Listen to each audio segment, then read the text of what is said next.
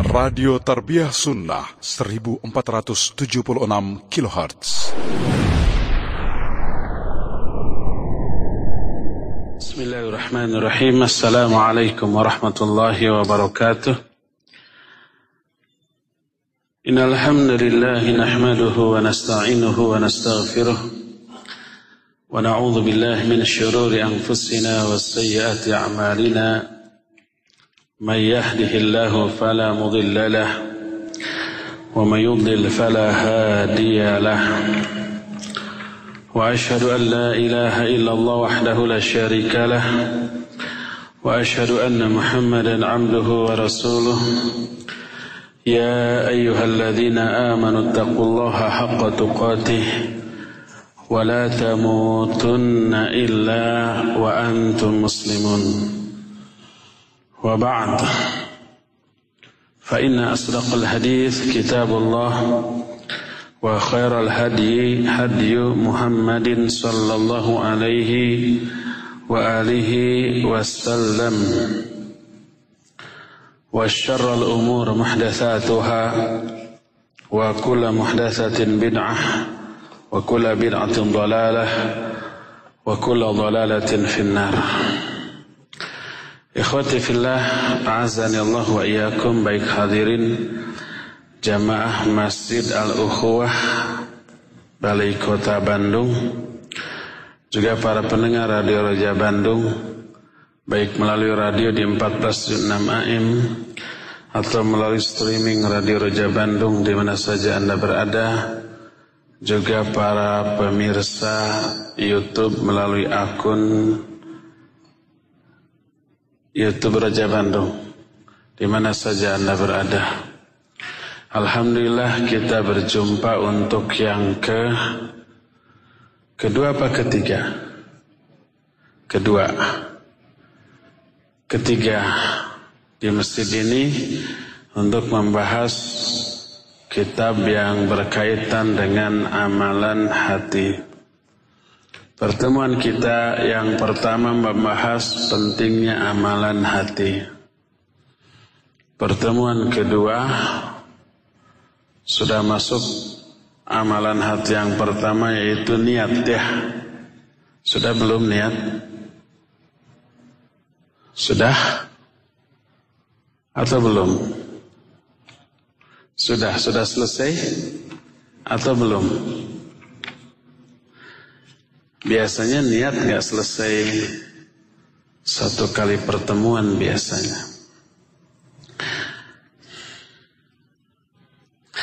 Anggap selesailah. Kita masuki amalan hati yang kedua yaitu ikhlas. Apa makna ikhlas?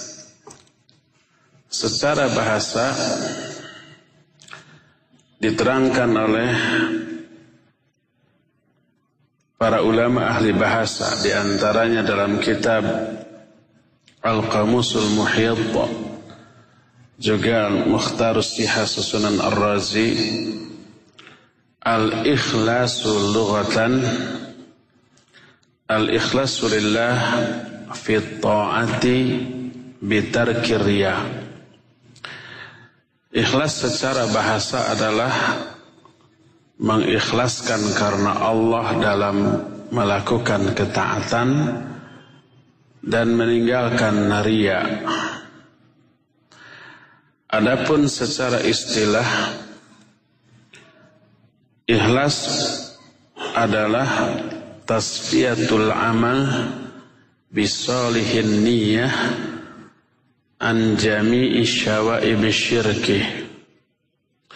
Secara istilah ikhlas itu adalah membersihkan amal dengan niat yang soleh atau yang benar dari seluruh noda syirik. Seluruh noda-noda syirik dibersihkan dari amal yang sedang kita lakukan dengan menetapkan niat yang benar. Niat yang benar adalah niat yang dianggap benar secara syar'i. Oleh karena itu ikhlas itu tidak terbatas meniatkan amalan untuk meraih ridho Allah saja. Untuk meraih ridho Allah ya termasuk niat yang benar. Termasuk meniatkan amal untuk meraih pahala. Meniatkan amal untuk memperoleh ampunan, meniatkan amal untuk meraih surga. Meniatkan amal karena takut terhadap neraka. Meniatkan amal untuk seluruh niat-niat yang secara syar'i dibenarkan maka itulah ikhlas Allah Azza wa Jalla berfirman khafa maqama rabbih wa nahan nafsa 'anil hawa fa inna jannata hiyal ma'wa. Adapun orang yang takut terhadap azab Allah karena itulah dia menahan dirinya dari hawa nafsu maka surgalah tempat menetap dia. Ayat ini menjelaskan orang yang menahan diri dari hawa nafsu karena takut kepada Allah. Itu niatnya ingin terhindar dari azab Allah. Maka Allah menjanjikan surga untuknya. Sehingga meniatkan amalan karena ingin selamat dari azab Allah termasuk niat yang benar berkata Imam Ahmad bin Hanbal rahimahullah al ilmu la mithla lahu in sahhatin niyah Ilmu itu tidak ada bandingannya bila niatnya benar. Niat baik ketika mempelajari atau mengajarkannya benar, maka kebaikan yang dihasilkan dari ilmu itu tidak ada yang menandinginya. Faqila kaifa dhalik ditanya oleh muridnya bagaimana niat yang benar ketika mencari ilmu itu? Beliau menjawab, yanwi raf al jahli an nafsihi wa an ghairihi. Dia meniatkan mencari ilmunya itu untuk menghilangkan kebodohan dari diri sendiri dan juga kebodohan dari diri orang lain. Ini termasuk niat yang benar, niat yang soleh dan termasuk beramal secara ikhlas. Oleh karena itu sungguh kebablasan orang yang mengatakan siapa orang yang beribadah kepada Allah karena mengharapkan surganya, dia tidak ikhlas. Orang itu kebablasan. Siapa orang yang beribadah kepada Allah dengan niat ingin dihindarkan dari api neraka dia tidak ikhlas dia kebablasan karena apa? Karena omongan orang itu bertolak belakang dengan Al-Quran, hadis-hadis yang sahih, serta penjelasan para ulama. Jadi ikhlas itu adalah tasfiyatul amal bisalihin niyah an jami'i syawaib syirki Ikhlas secara istilah artinya membersihkan amalan dengan niat yang benar dari seluruh nada syirik. Definisi tersebut dijelaskan oleh Al-Hafidh Ali Al-Hakami dalam kitab Mukhtasar Ma'arijil Qabul. Waqila ada lagi definisi lain dari ikhlas seperti yang dituturkan oleh Abu Hamid Al-Ghazali yang dikenal dengan sebutan Imam Al-Ghazali dalam kitab Ihya Ulumuddin bagian ininya ditakkid oleh para ulama ketika menjelaskan definisi dari ikhlas sehingga Al-Imam Ibn Qudamah rahimahullah dalam kitab Mukhtasar Minhajil Qasidin juga menguatkan dan membenarkan definisi ikhlas dari Al-Ghazali ini. Sebagaimana kita ketahui bahwa kitab Ihya Ulumuddin susunan Al-Ghazali adalah kitab yang memuat ayat-ayat Al-Quran dan hadis-hadis yang sahih. Tapi juga ada yang dhaif bahkan yang palsu. Diamalkan seluruhnya orang yang mengamalkannya akan memperoleh kebaikan yang banyak. Sekaligus terjerumus ke dalam kesalahan yang banyak. Karena ada hadis palsu yang diamalkan. Dibuang seluruhnya sayang ada ayat dan hadis sahihnya. Diambil seluruhnya ada sisi-sisi kekeliruannya. Maka muncul inisiatif dari inisiatif dari para ulama untuk menyaring yang benar-benarnya saja dan membuang yang keliru-kelirunya. Lahirlah kitab Minhajul Qasidin. Dibuang yang palsunya, yang dhaifnya, hanya diambil yang benar dan sahihnya. Tapi kitab Minhajul Qasidin ini pun belum menyaring dan belum membuang seluruh yang kelirunya. Lalu diikhtisar lagi, disaring lagi, maka lahirlah kitab Mukhtasar Minhajul Qasidin yang disusun oleh Imam Ibn Qudamah Al-Maqdisi rahimahullah.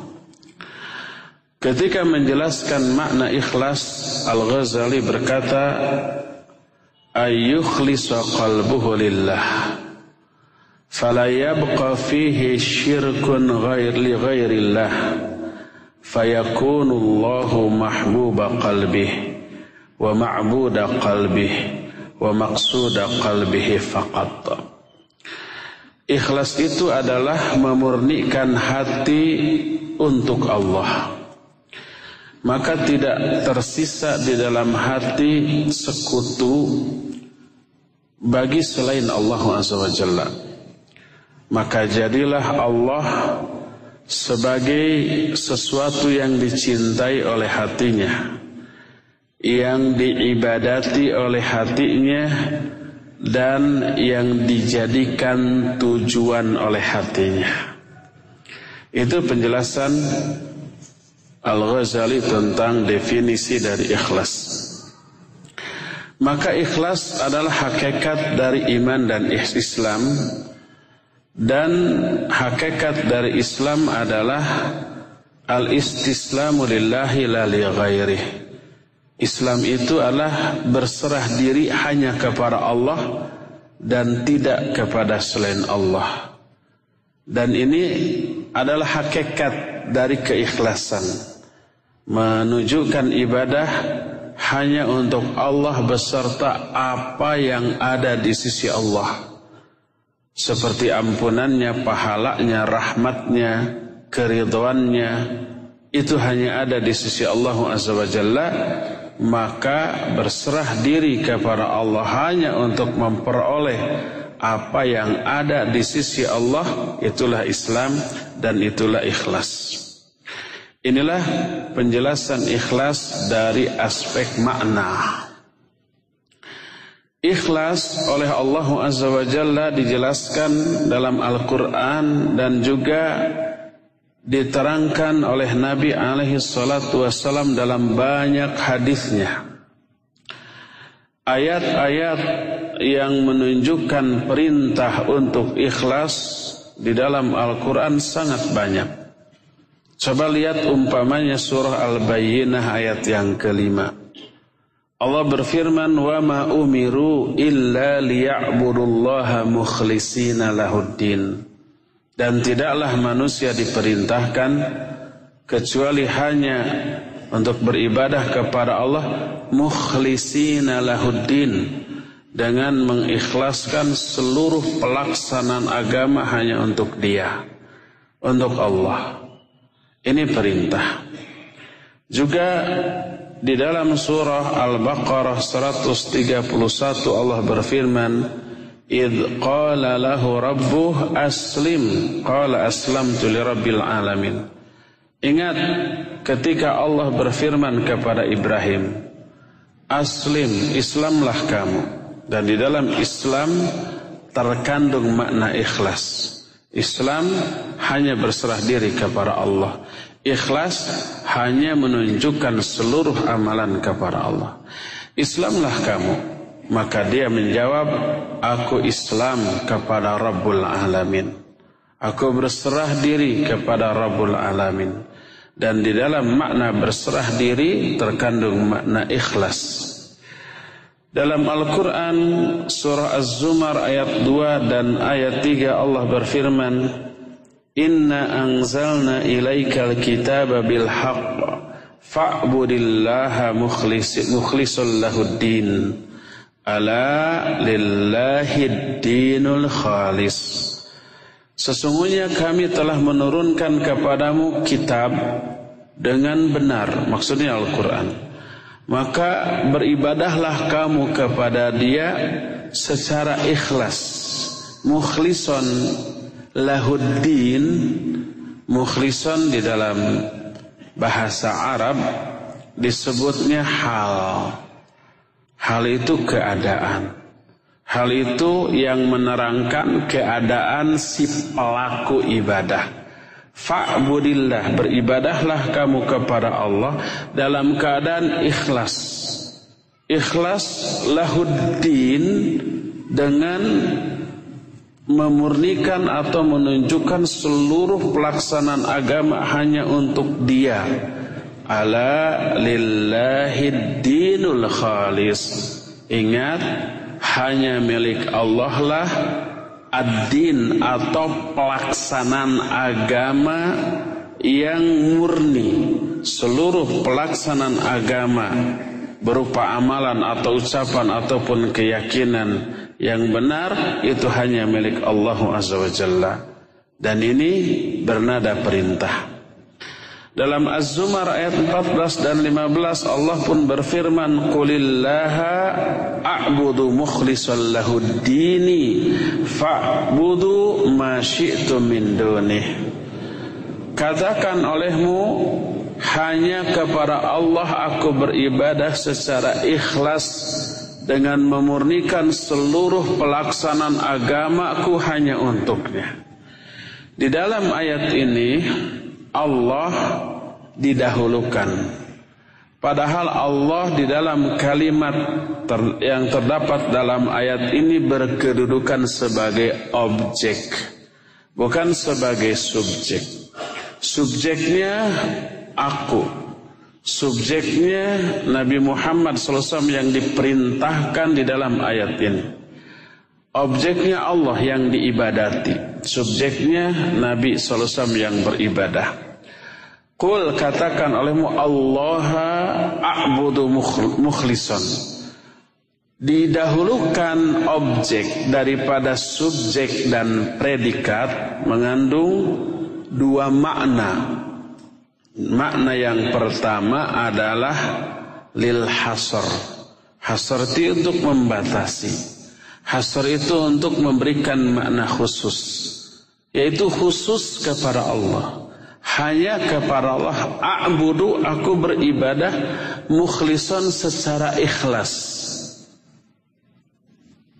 Sama dengan iya karena budu hanya kepada engkau kami ibadah. Iyakanya sebagai objek didahulukan. Na'budu sebagai subjek dan predikat dibelakangkan. Padahal biasanya objek itu harus datang setelah subjek dan predikat. Tapi subjek objeknya didahulukan, didahulukannya objek memberi makna hasr dan ihtimam. Taqdimul ma'mul anil hasr anil ma'mul taqdimul ma'mul anil amil yufil hasr wal ihtimam. Mendahulukan objek daripada subjek dan predikat memberi makna hasr dan ihtimam. Jadi yang pertama ada hasr ada pengkhususan. Yang kedua ihtimam. Mementingkan. Saking dipentingkannya Allah maka penyebutannya juga di didahulukan Kul katakan oleh Muhammad Allah a'budu mukhlisal lahuddini. Hanya kepada Allah lah aku beribadah secara ikhlas dengan memurnikan seluruh pelaksanaan agamaku hanya untuknya. Inilah ayat-ayat yang berisi perintah untuk ikhlas di dalam beribadah kepada Allah Azza Selain bernada perintah, ada juga yang bernada ancaman.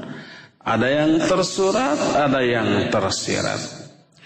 Di antara ayat yang tersirat yang berisi ancaman kepada orang yang beramal secara beramal secara tidak ikhlas disebutkan dalam salah satu ayat. Berkata muallif wal ikhlasu lillahi syartun liqabulil amal fa inna allaha la yaqbalu illa ma urida bihi wajhuhu Ikhlas karena Allah termasuk syarat diterimanya amalan.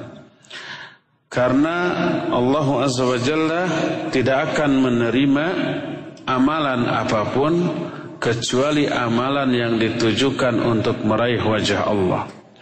Oleh karena itu Allah berfirman, ini ayat yang berisi ancaman secara tersirat, tidak tersurat, tersirat terhadap orang yang ketika beramal tidak ikhlas. Ayatnya terdapat dalam surah Al-Furqan ayat 23. Allah berfirman, "Wa qadimna ila ma 'amilu min 'amalin faja'alnahu haba'an mansura." Kata Allah wa qadimna ila ma 'amilu min 'amalin. Kami sodorkan, kami datangkan pahala-pahala dari amal-amal yang telah mereka lakukan ketika di dunia. Ketika di dunia mereka melakukan banyak amalan. Allah datangkan pahalanya. Nih pahala atas amalan kamu dahulu ketika di dunia. Gede dan banyak. Tapi apa yang terjadi? Faja'alnahu haba'an manthura Tapi kami jadikan pahala yang banyak dan gede itu Seperti debu yang ditiup angin. Habis musnah tak tersisa. Dan ini secara psikis tentu saja membuat kita apa? Kecewa. Jangan kita. Membuat orang itu kecewa berat.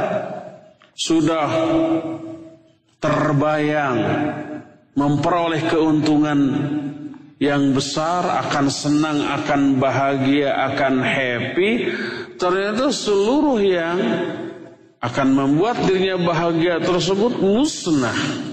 Diganti dengan ancaman kesedihan dan kesengsaraan. Ini secara psikis lebih terhantam ya. Coba dua orang barang-barang ke supermarket. Satu tongpes, kanker, bokeh. Dompetnya tipis, nggak bawa apa-apa dia. Niatnya bukan untuk belanja, untuk jalan-jalan aja menikmati suasana di dalam mall. Ingin nyoba naik eskalator, maju gitu ya. Ingin nyoba naik elevator apa? Misal lift ingin lihat ah segala macam. Akan belanja. Satu lagi membawa dompet yang tebal segepok uang 100 dolaran. Untuk memborong semua yang diinginkan. Dia masuk supermarket mengambil troli Lima trolinya, penuh semuanya. Ketika sampai di kasir dihitung mbak 20 juta. Ha, tenang. Ternyata dompetnya hilang. Mungkin kusi cepot tadi cepot, dicopet. Mungkin jatuh, mungkin ada yang nyopet. Apa yang dia rasakan? Bisa nangis dia. Dia pulang jalan kaki sambil menangis meraung-raung. Karena apa? Yang tadinya kebayang seluruh kebutuhan dia selama satu bulan sudah tersedia. Semua yang dia inginkan sudah teraih, tercapai, hilang musnah. Dia kecewa berat. Adapun yang bokek tadi pulangnya jalan kaki. Dia nangis enggak? Enggak, happy saja dia. Karena memang niatnya bukan untuk belanja. Sama-sama pulang jalan kaki, sama-sama pulangnya tidak membawa apa-apa, tapi perasaannya jauh seperti langit dan bumi. Yang satu happy, yang satu super sedih. Jadi orang tadi di akhirat diperlihatkan pahala dari seluruh amalnya. Tapi seketika itu juga musnah. Bagikan debu yang tertiup angin. Waliyahzubillah Yang semoga Allah tidak memasukkan kita ke dalam golongan yang seperti itu. Timbul pertanyaan Kenapa itu bisa terjadi? Khawatir kita mengalami itu. Berkata Al-Imam Ibn Kathir rahimahullahu ta'ala kitab tafsirnya ketika menafsirkan surah Al-Furqan ayat 23 ini. Beliau menyatakan wa dzalika li annaha faqadatis syart asy-syar'i imma al-ikhlasu fiha wa imma al-mutaba'atu li syar'illah.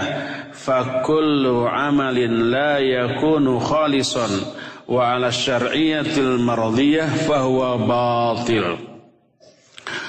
Orang tadi mengalami hal tersebut karena dia kehilangan syarat syar'i diterimanya amalan. Dia melakukan amalan. Tapi syarat-syarat diterimanya amalan itu tidak dia penuhi di dalam amalannya. Pertama mungkin tidak adanya ikhlas di dalam amalannya alias ria alias dalam rangka pupujian alias dalam rangka caper, cari perhatian orang, ya. Ini yang pertama yang mungkin hilang di dalam amalan yang dia lakukan tidak ada keikhlasan. Dia ria, dia ingin dipuji wa immal mutaba'atu li atau Syarat yang kedua ini yang tidak terpenuhi yaitu tidak mutabaah kepada syariat Allah. Mutabaah itu mengikuti syariat Allah di dalam mengamalkan amalan yang dia lakukan. Amalan tersebut sudah ada rulenya dari Allah, sudah ada aturannya dari Allah, sudah ada ketentuan-ketentuannya. Dia langgar ditambah, dikurang atau bahkan dirubah. Nabi SAW menyatakan, Man, ama, man amila amalan laisa alaihi amruna fahuwa raddun. Siapa orang yang mengamalkan satu amalan dalam hal agama yang tidak ada contohnya, tidak mutabaah kepadaku, amalan itu ditolak. Tidak akan diterima oleh Allah Azza wa Jalla. Ya, ini syarat diterimanya amalan yang kedua.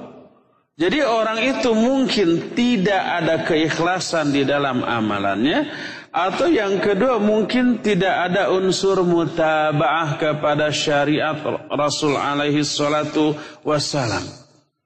Fakullu amalin la yakunu khalisan wa ala syariatil mardiyah fahuwa batil maka seluruh amalan yang dilakukan tidak ikhlas dan tidak berdasarkan syariat yang diridhoi, amalan itu termasuk amalan yang batil.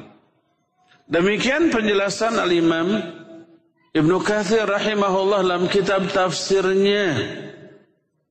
Oleh karena itulah orang yang beramal dengan niat ria atau tidak ikhlas atau ingin dipuji pahala dari amal itu di akhirat nanti sih diperlihatkan. Nih amalan kamu yang dulu di dunia itu kayak begini. Tapi langsung dihapus karena tidak ada ikhlas. Atau orang itu mengamalkan amalan dalam masalah agama, bukan dalam urusan dunia, tapi dalam urusan ibadah. Tapi ditambah, dikurang atau dirubah dalam hal tata cara pelaksanaannya. Maka diperlihatkan nih pahala kamu, tapi dihapus. Jangankan itu ya, jangankan nih. Merubah menambah-nambah atau mengurangi atau mengamalkan apa yang tidak diamalkan oleh Nabi SAW lalu kita amalkan dan diklaim sebagai pelaksanaan dari agama. Jangankan itu, ada satu amalan yang disunnahkan, ditekankan oleh Al-Quran, ditekankan oleh Nabi SAW. Tapi kalau kita melakukan amalan tersebut secara lebay, Mana lebay itu melebihi kadarnya nih, melebihi dari apa yang dicontohkan oleh Nabi SAW, maka ditolak. Contoh apa? Tahajud. Tahajud disyariatkan nggak oleh Al-Quran? Iya, Allah berfirman wa minal laili fatahajjad bihi nafilatan lak. Di sebagian waktu malam tahajudlah kamu sebagai ibadah tambahan bagimu, ya kanu qalilan minal laili ma yahja'un. Salah satu orang bertakwa ahli surga itu mereka sedikit sekali tidurnya pada waktu malam. Bukan begadang, tapi tahajud. Disyariatkan oleh Al-Quran, disyariatkan oleh hadis Nabi Sallallahu Alaihi Wasallam. Tapi kalau melaksanakannya melebihi dari kadar yang dicontohkan ditolak.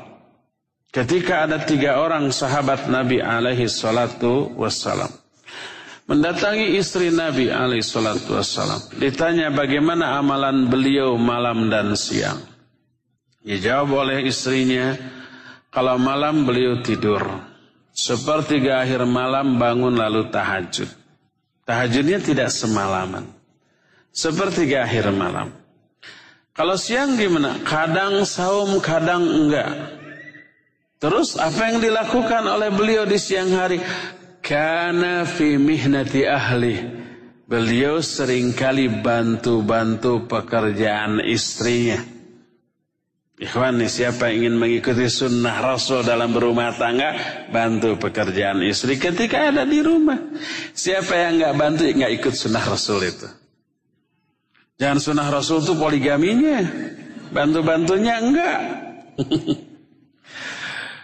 Karena fi mihnati ahli. Beliau itu suka membantu keluarganya. Nyapu, ngejahit. Apabila beliau ada di rumah gitu ya. Jangan sampai ketika datang rumah gini aja. Bersahabatnya dengan HP-nya. Dengan laptopnya, dengan tabletnya, dengan kapsulnya. Segala macam. Istri repot sendiri dibiarkan, tidak dibantu. Tidak nyunah itu. Nah, tiga orang sahabat ini menganggap ternyata enteng apa yang dilakukan oleh Nabi Shallallahu Alaihi Wasallam. Nggak berat-berat amat bagi orang yang kualitas imannya hebat. Satu sahabat menyatakan, adapun saya, saya tidak akan tidur semalaman. Saya akan tahajud semalaman dan tidak tidur. Yang kedua, setiap hari saya akan saum terus. Nggak akan pernah tidak saum. Kalau Nabi selesai tadi tidur lalu bangun dan tahajud. Orang ini saya akan tahajud semalaman. Kalau di siang harinya Nabi SAW kadang saum, kadang tidak. Sahabat yang kedua menyatakan saya akan saum tiap hari. Sahabat yang ketiga, aku tidak akan pernah menikah. Karena apa? Melihat Nabi SAW menikah itu mengurangi jatah untuk ibadah. Karena harus bantu-bantu istrinya ribet. Apalagi kalau sudah punya anak ya. Pas-pas sudah pakai gamis, pakai kopiah ke masjid. Anaknya, bapak ikut. Lagi ngompol semuanya. Uh, bingung. Dibawa, harus dimandiin dulu. Tidak dibawa, gogoakan jejeritan, liar. Saya nggak akan nikah. Nikah itu ribet. Untuk apa? Agar ibadahnya lebih fokus, lebih konsentrasi, lebih intensif. Jadi tiga orang ini niatnya bagus, amalannya luar biasa. Salat tahajud semalaman, saum tiap hari, dan tidak akan punya istri agar ibadahnya lebih fokus. Itu bagus apa tidak? Jawab, bagus apa tidak? Tidak, makanya disalahkan oleh Nabi Wasallam. Bagus tidaknya bukan kata otak, tapi dilihat dari petunjuk Nabi Wasallam. Fa inna khairal hadyi hadyu Muhammadin Sallallahu. Sebaik-baik petunjuk adalah petunjuk Nabi SAW. Baik buruknya sebuah pelaksanaan agama tidak dilihat berat atau ringannya. Tidak dilihat lama atau sebentarnya. Tidak dilihat besar kecilnya pengorbanan. Tapi dilihat dari sesuai contoh ataukah tidak. Sampailah omongan tiga sahabat tadi kepada Nabi alaihissalatu wassalam. Dipanggil.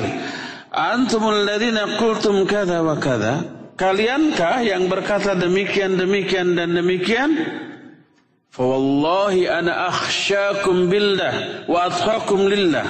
Demi Allah aku lebih takut kepada Allah dibanding kalian. Aku lebih bertakwa kepada Allah dibanding kalian. Tapi aku sholat, aku pun tidur. Aku pun saum, aku pun tidak saum kadang-kadang. Wa ana atazawwajun nisa dan aku menikahi beberapa wanita. Di akhir hadis itu beliau menyatakan, "Faman raghiba an sunnati falaisa minni." Siapa orang yang tidak suka akan sunnahku seperti tadi, dia bukan umatku. Bayangkan, orang tadi melaksanakan tahajud dan tahajud disyariatkan apa tidak?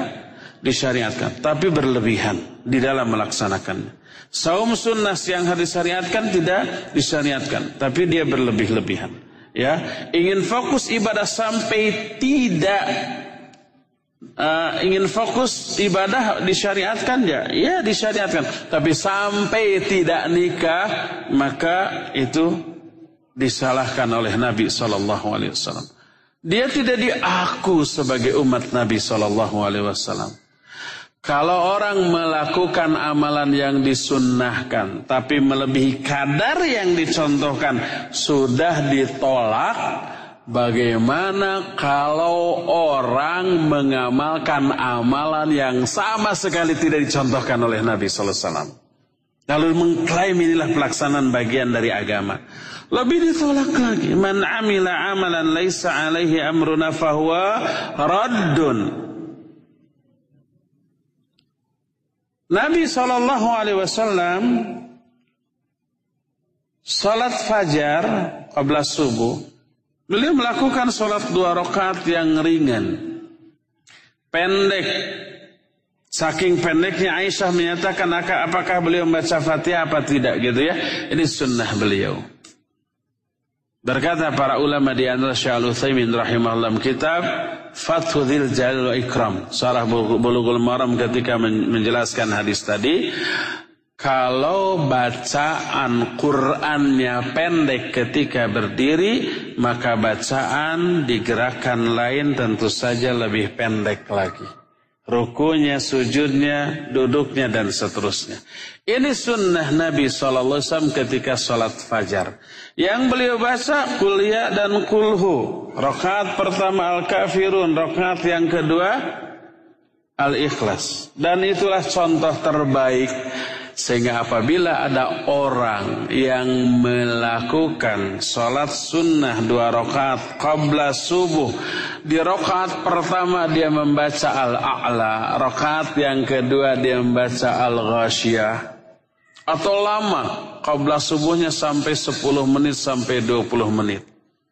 Apakah dia bagus? Enggak, enggak bagus.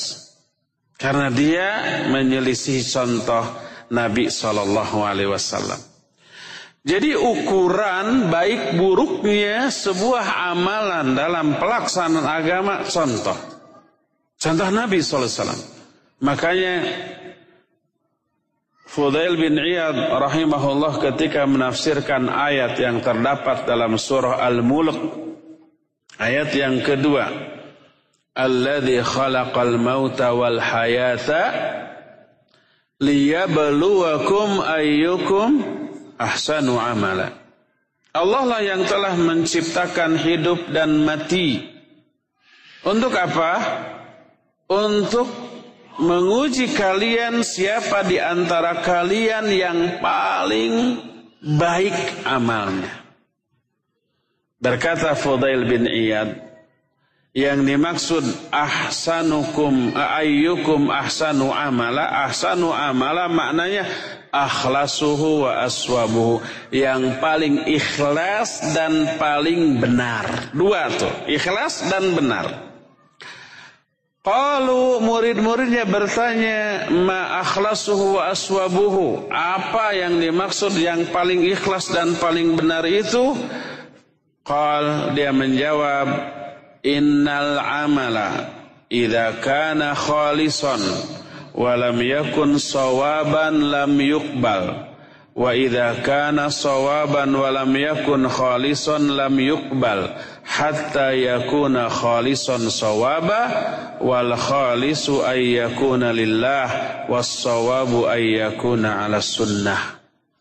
Kata Fudal bin Iyad sesungguhnya amalan apabila dilakukan secara ikhlas tapi tidak benar ikhlas ikhlas tapi caranya salah ditambah, dikurang atau dirubah, maka itu tidak akan diterima.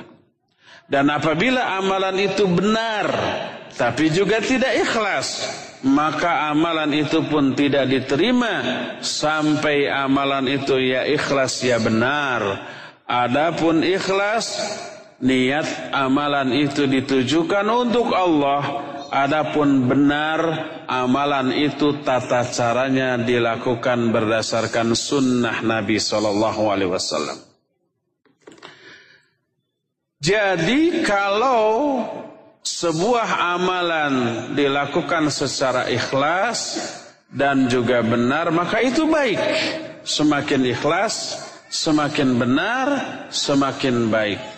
Satu saja di antara tiga, eh, dua ini tidak terpenuhi maka itu tidak baik.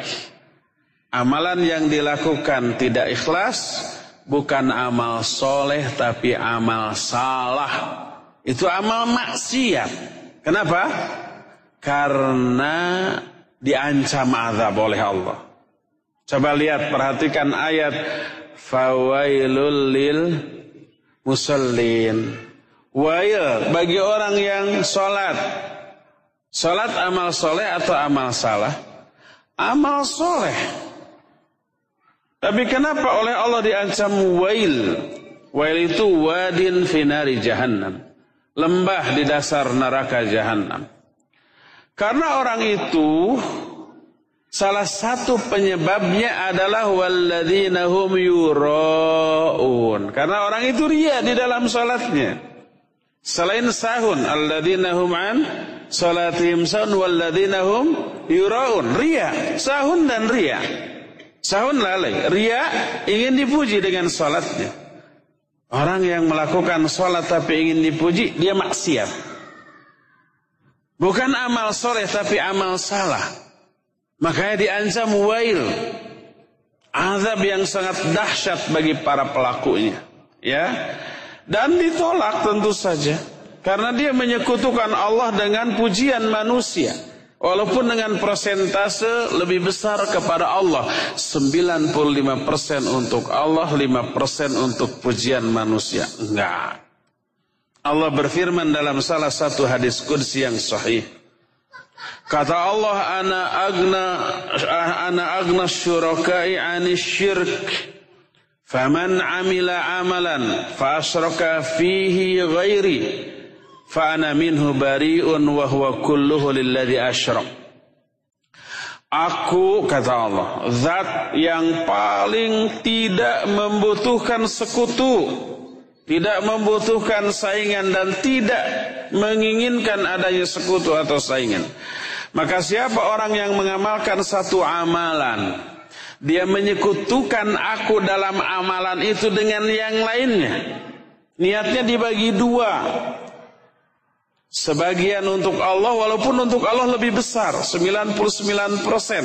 Satu persennya untuk selain Allah. Ya, Aku berlepas diri dari orang itu dari amalannya nggak akan diterima. Wahwa kulluhul asyrak. Amalan itu aku serahkan bagi sekutuku itu. Silakan. Kata orang Sunda namanya mual karooh amalan nusiga itu patut. Seluruh amalannya bagus niatnya buruk. Itu tolak saya sering tuh memberikan sebuah ilustrasi gambaran contoh ya Seluruhnya baik tapi ada satu keburukan yang ada di tengah kebaikan itu menyebabkan kita tidak mau diterima. Kita tidak mau menerima. Kita umpamanya hobi baso. Ahwat biasanya yang sebut hobi baso. Ada tukang baso lewat mang baso dua mangkok untuk saya sendiri. Padahal dia lagi makan. Tukang baso lewat mang dua mangkok oleh si tukang bakso di, la, di ladenan. Di apa namanya? Di ladenan di dilayani. Semuanya baksonya masuk. Mie bihunnya sayurnya kecapnya sausnya sambalnya cukanya semuanya. Baik apa buruk semuanya? Baik dan enak. Ya? Setelah itu kecrot di ciduhan. Sedikit ini ibu baksonya. Mau nggak nerima? Enggak. Walaupun cidunya cuma sedikit. Nggak mau ya amit-amit. Atau tidak diciduhan dia ngomong muncrat truk ke sana. Bu ini ceret gitu, uruh muncrat. Mau nggak nerima? Enggak. Ah cuma sedikit, nggak nggak mempengaruhi rasa nggak? Enggak kan ya? Mempengaruhi, mempengaruhi aroma enggak? Enggak. Tapi kenapa enggak mau menerima? Ada setitik keburukan di sana. Oleh karena itulah apabila seseorang melakukan sebuah ibadah yang mayoritas ibadah itu bagus. Tapi satu keliru yaitu dalam hal niat. Allah Azza wa Jalla menolak mentah-mentah seluruh amalan tersebut tanpa memberikan reward apa pun, pahala atau balasan kebaikan apa pun ditolak, bahkan diancam. Janganlah mengira orang yang tidak ikhlas dalam beribadah itu kerugiannya hanya satu yaitu ditolak saja. Jangan mengira demikian. Tapi selain ditolak juga diazab. Selain capek berbuat, ditolak dan diadab. Capek gawe, teka pake, barijeng di teke. Tiga kali kerugiannya. Ini tadi ayat fawailul lil musallin. Wahil bagi orang yang sholat. Salah satunya waladina hum yuraun, orang yang ria. Diadab. Nih, hadis yang sahih diriwayatkan oleh Imam Muslim dari Abu Hurairah radhiyallahu an. Hadis ini begitu mengerikan, begitu menakutkan dan begitu memberikan dorongan besar kepada kita untuk hati-hati dari ketidakikhlasan. Banyak di antara kita yang mungkin kena dengan hadis ini. Berkata Abu Hurairah sami'tu Rasul alaihi salatu wassalam yaqul. Aku mendengar Nabi sallallahu alaihi wasallam bersabda Inna awwalan nasi yuqda yawmal qiyamati alaihi rajulun ustushhida fa utiya bihi fa'arrafahu ni'amahu fa'arafaha. Sesungguhnya manusia yang pertama kali dihisab pada hari kiamat adalah orang yang mati syahid Allah perkenalkan, Allah ingatkan nikmat-nikmat yang telah Allah berikan kepada dia dan dia pun mengakui nikmat itu. Lalu Allah bertanya, "Fama amilta fiha?" Apa yang telah kamu amalkan dengan seluruh nikmat itu? Dia menjawab, Qataltu fika hatta stushidtu. Dulu ketika di dunia aku berperang di jalanmu sampai aku syahid. Allah mengingkari. Kata Allah, kadzabta, bohong kamu, dusta, gombal kamu. Walakinnaka qatalta li ayyuqala jari faqad qil. Kamu dulu memang berperang tapi kamu niatkan perangmu agar kamu dikatakan seorang pemberani, pahlawan, jagoan. Dan pujian itu telah dikatakan orang kepadamu.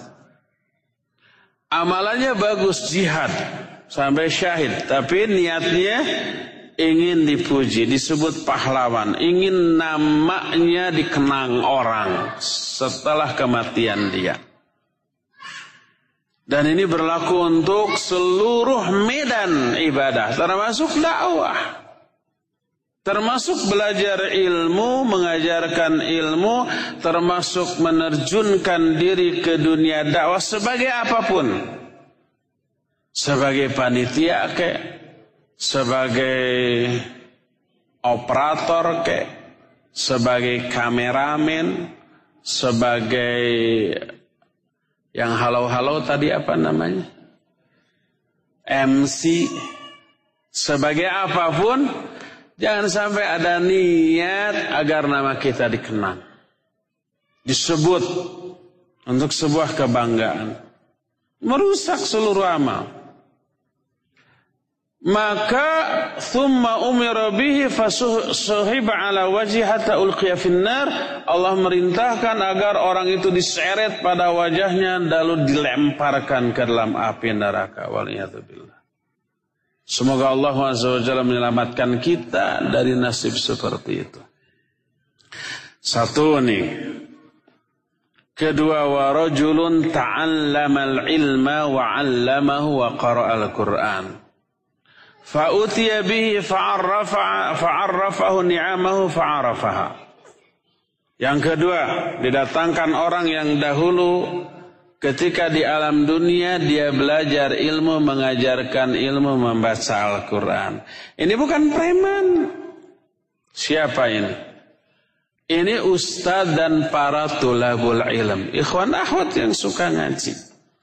Kegiatannya di dunia belajar, mengajar, baca Quran. Belajar, mengajar, baca Quran untuk setiap level. Untuk level yang berbeda. Walaupun level mengajarkan ikra. Mengajarkan kiroati. Mengajarkan tajwid makhraj. Menjadi apa namanya mentor dalam halaqah tahfidil Quran. Atau dalam level apa pun. Belajar, mengajar, baca Al-Quran. Kegiatannya itu sehari-hari. Bagus apa jelek? Super bagus. Dua jempol. Allah memanggil orang itu di akhirat. Allah perkenalkan, ingatkan dia akan nikmat yang Allah berikan. Orang itu pun mengakuinya. Lalu Allah bertanya, Ma'amil tafiha apa yang telah kamu lakukan dengan seluruh nikmatku? Dia menjawab ta'allamtul ilma wa 'allamtuhu wa qara'tu wa qara'tu fikal Qur'an.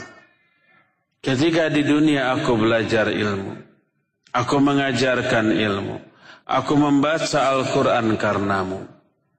Apa jawaban Allah? Kadzabta bohong kamu.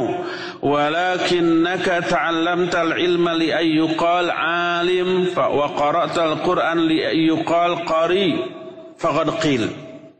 Kamu dulu belajar ilmu, tapi niat kamu agar kamu disebut orang sebagai orang alim, sebagai dai kondang, sebagai ustadz beken, sebagai ustadz sejuta akhwat, atau mubalik terkenal, belajar ilmunya untuk seperti itu.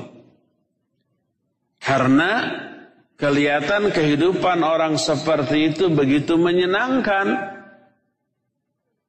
Akhirnya menjadi cita-cita, ingin disebut seperti itu. maka pujian itu telah orang-orang tujukan kepadamu. Salah niat ya. Dan ini diancam. Nabi alaihi salatu wasallam bersabda, "Man ta'allama ilman mimma yubtagha bihi wajhullah azza wa jalla." Siapa orang yang mempelajari suatu ilmu yang harus dipelajari hanya untuk meraih wajah Allah.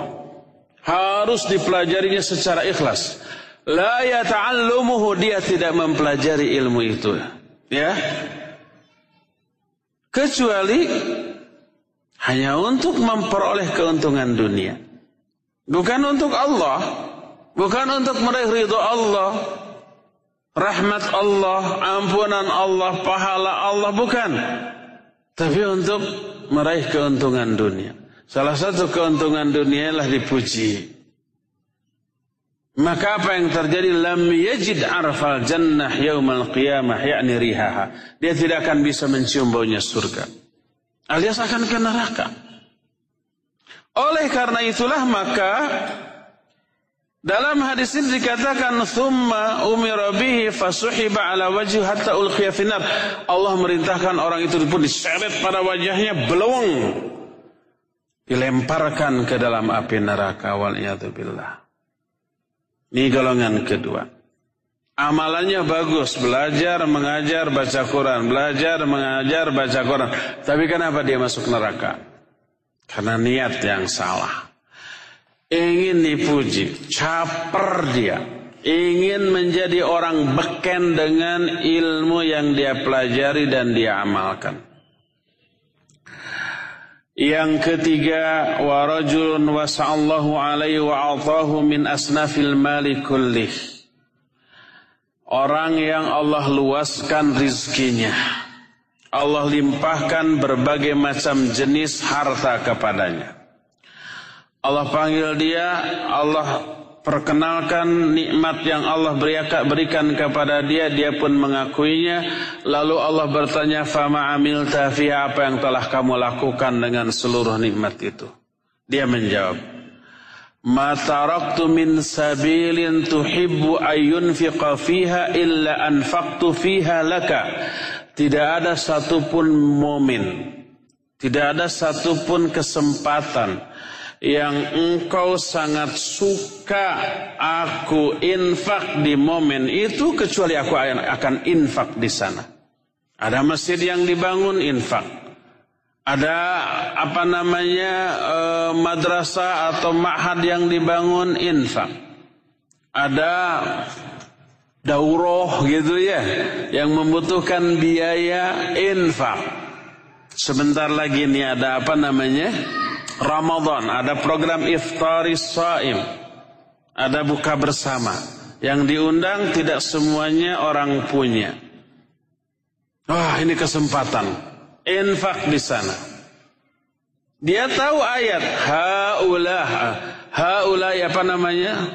Haulai tud'auna litunfiqu fi sabilillah.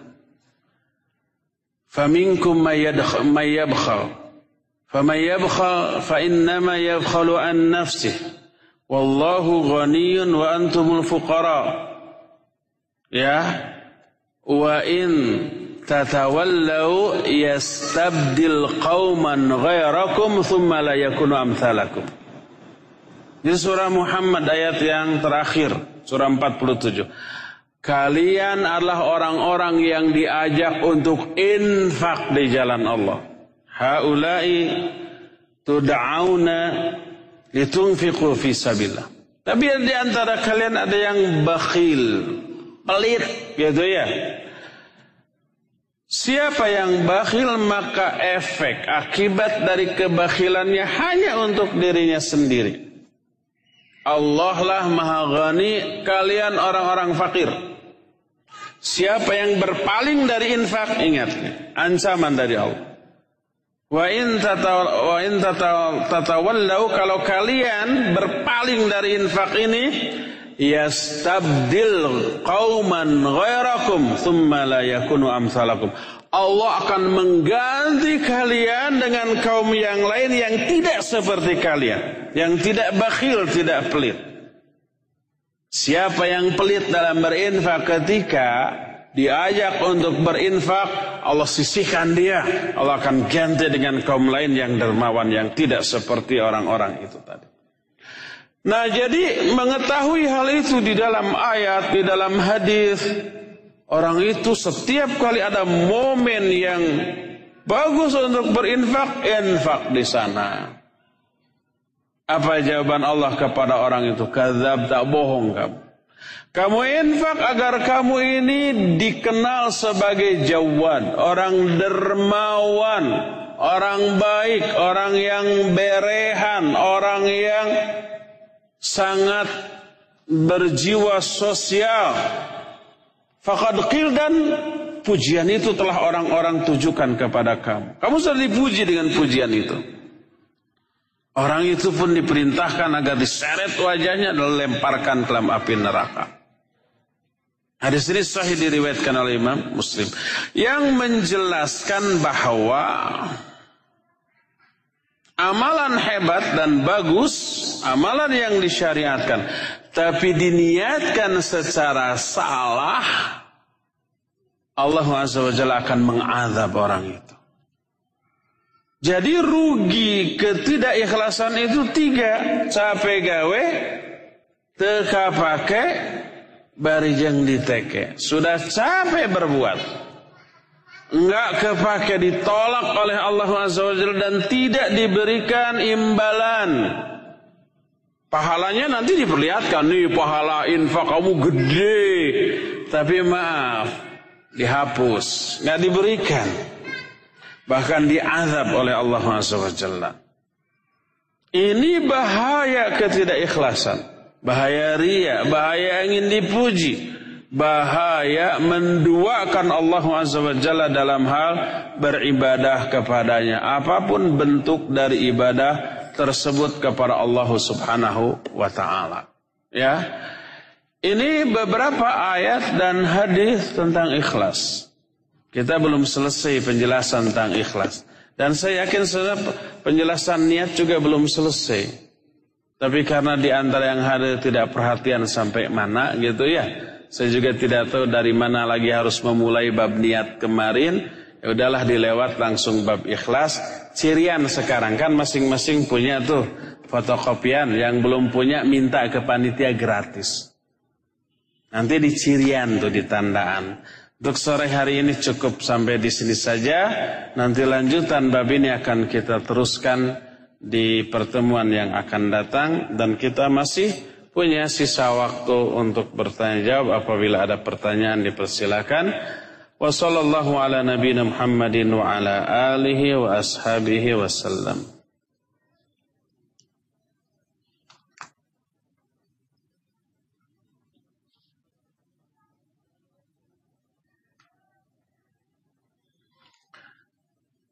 Pertanyaan pertama. Bismillah, Assalamualaikum Waalaikumsalam warahmatullahi Apa hukumnya apabila orang tua berpuasa sunnah untuk membantu anaknya yang sedang melakukan ujian atau tes agar anaknya tersebut lulus ujian atau lulus tesnya? Ini termasuk bab beramal akhirat dengan niat dunia. Ketika niat dunianya sudah kesampaian, amalannya tersebut berhenti. Orang umpamanya lagi banyak hutang, bangun malam tahajud, siangnya saum. Hutangnya lunas, berhenti tahajudnya, berhenti saumnya. Kalau anaknya tadi tidak tes, ibu itu saum tidak tidak saum. Maka itu termasuk beramal amalan akhirat untuk kepentingan dunia. Dan itu termasuk salah satu penyimpangan dari aspek tauhid. Dan itu sudah kita bahas di Geger Kalong pada hari uh, Jumat sore sudah lewat bab itu ya. Kenapa itu dibahas dalam bab tauhid? Sebab itu termasuk salah satu penyimpangan dari aspek tauhid. Itu termasuk ketidakikhlasan.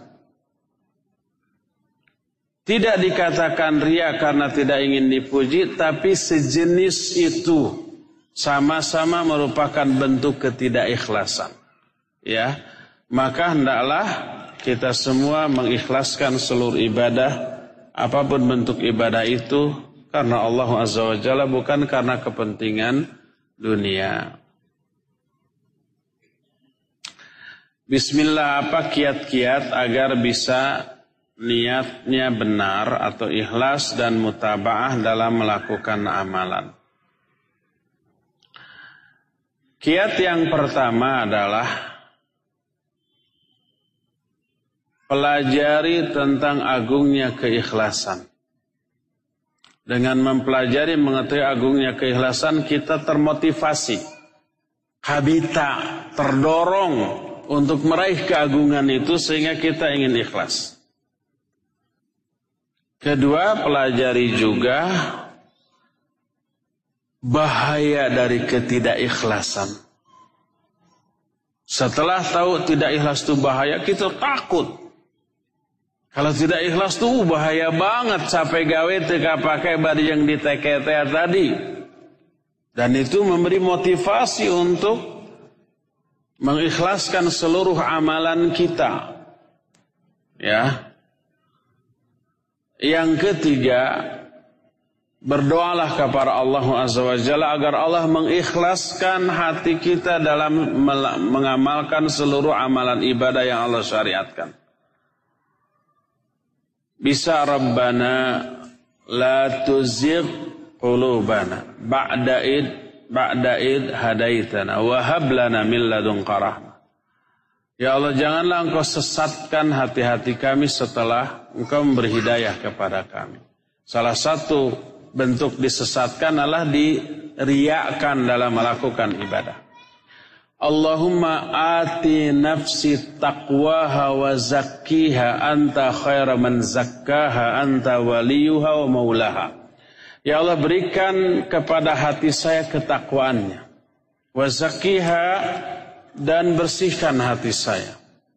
Karena engkaulah sebaik-baik pembersih hati. Engkaulah pelindung dan pemilik dari hati ini.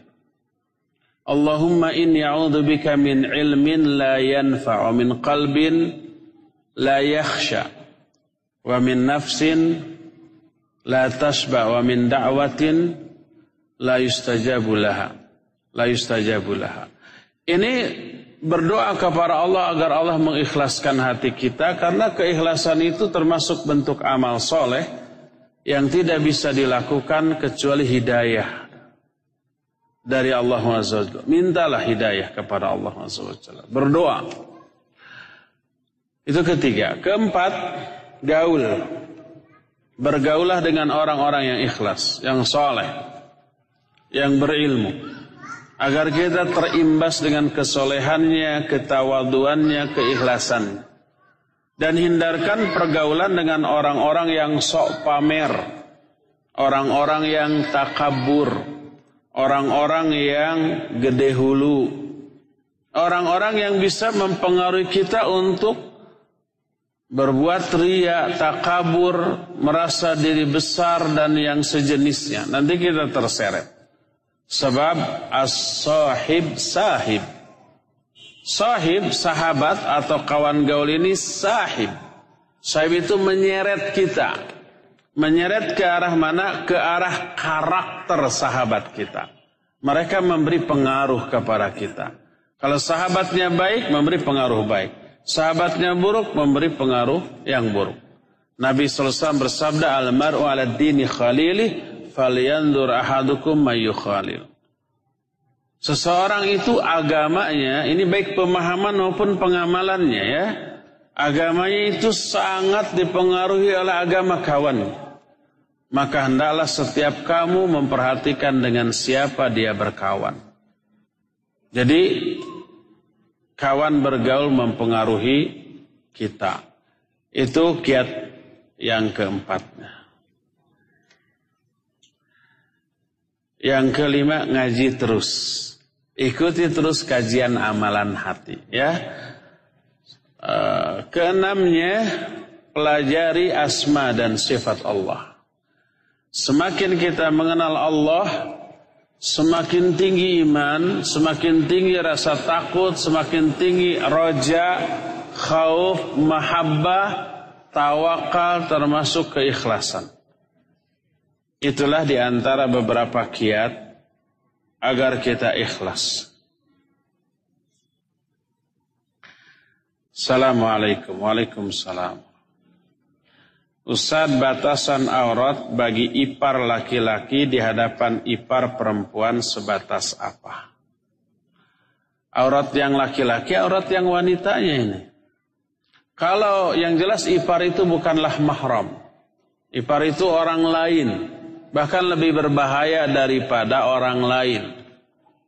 Ketika Nabi SAW melarang para laki-laki menemui para wanita, Iyakum waddukhula ala nisa. Hati-hati kalian jangan sampai masuk menemui para wanita. Ditanya, Afaro'aitul hamwa, afaro'aital hamwa, bagaimana pendapatmu tentang ipar? Dijawab, alhamul maut. Oh ipar itu maut. Lebih berbahaya. Karena apa? Pertama bukan mahram. Kedua, orang nggak akan curiga karena menganggap itu ada ikatan saudara, ipar. Padahal ipar bukan mahram. Kita juga merasa ke saudara sehingga tidak ada batas. Sana setan masuk. Tapi kalau kepada orang lain yang nggak ada hubungan persaudaraan, kita bisa jaga diri, menjauhi diri, gitu kan? Tapi kepada ipar, oh ini saudara. Padahal sama-sama bukan mahramnya. Itu lebih berbahaya. Jadi harus wajib tetap menutup, menutup aurat.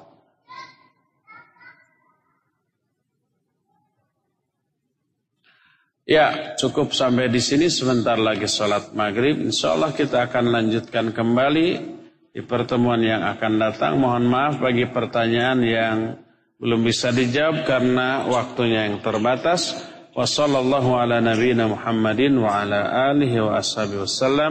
Wassalamualaikum warahmatullahi wabarakatuh.